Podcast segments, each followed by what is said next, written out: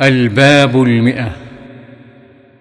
باب التسمية في أوله والحمد في آخره.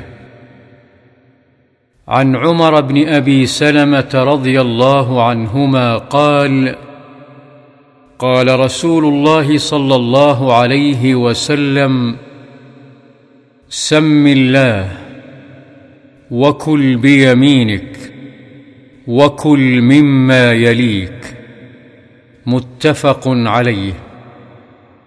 وعن عائشة رضي الله عنها قالت قال رسول الله صلى الله عليه وسلم إذا أكل أحدكم فليذكر اسم الله تعالى فإن نسي أن يذكر اسم الله تعالى في أوله فليقل بسم الله أوله وآخره. رواه أبو داود والترمذي وقال حديث حسن صحيح.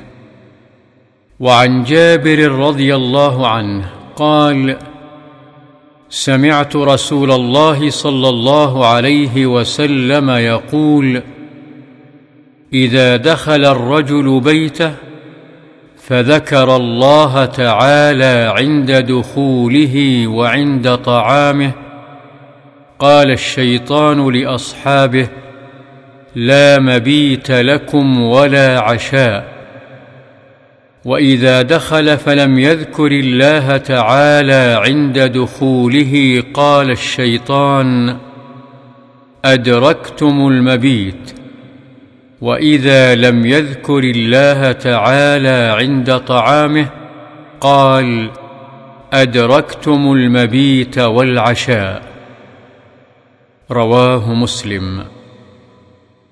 وعن حذيفه رضي الله عنه قال كنا اذا حضرنا مع رسول الله صلى الله عليه وسلم طعاما لم نضع أيدينا حتى يبدأ رسول الله صلى الله عليه وسلم فيضع يده. وإنا حضرنا معه مرة طعاما فجاءت جارية كأنها تدفع فذهبت لتضع يدها في الطعام فأخذ رسول الله صلى الله عليه وسلم بيدها ثم جاء أعرابي كأنما يدفع فأخذ بيده فقال رسول الله صلى الله عليه وسلم إن الشيطان يستحل الطعام ألا يذكر اسم الله تعالى عليه. وإنه جاء بهذه الجارية ليستحل بها فأخذت بيدها فجاء بهذا الأعرابي ليستحل به فأخذت بيده والذي نفسي بيده إن يده في يدي مع يديهما ثم ذكر اسم الله تعالى وأكل. رواه مسلم. وعن أمية بن مخشي الصحابي رضي الله عنه قال كان رسول الله صلى الله عليه وسلم جالسا ورجل يأكل فلم يسم الله حتى لم يبق من طعامه لقمة. فلما رفعها إلى فيه قال بسم الله أوله وآخره. فضحك النبي صلى الله عليه وسلم ثم قال ما زال الشيطان يأكل معه فلما ذكر اسم الله استقاء ما في بطنه.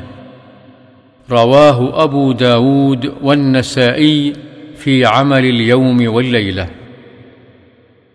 وعن عائشة رضي الله عنها قالت كان رسول الله صلى الله عليه وسلم يأكل طعاما في ستة من أصحابه فجاء أعرابي فأكله بلقمتين فقال رسول الله صلى الله عليه وسلم أما إنه لو سمى لكفاكم.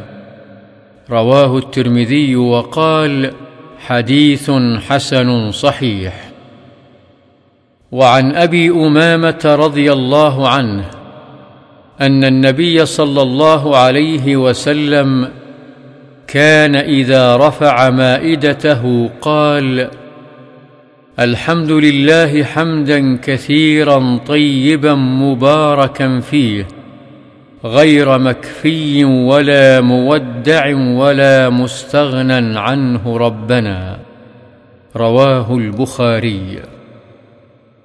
وعن معاذ بن أنس رضي الله عنه قال قال رسول الله صلى الله عليه وسلم من أكل طعاما فقال الحمد لله الذي أطعمني هذا ورزقنيه من غير حول مني ولا قوة غفر له ما تقدم من ذنبه.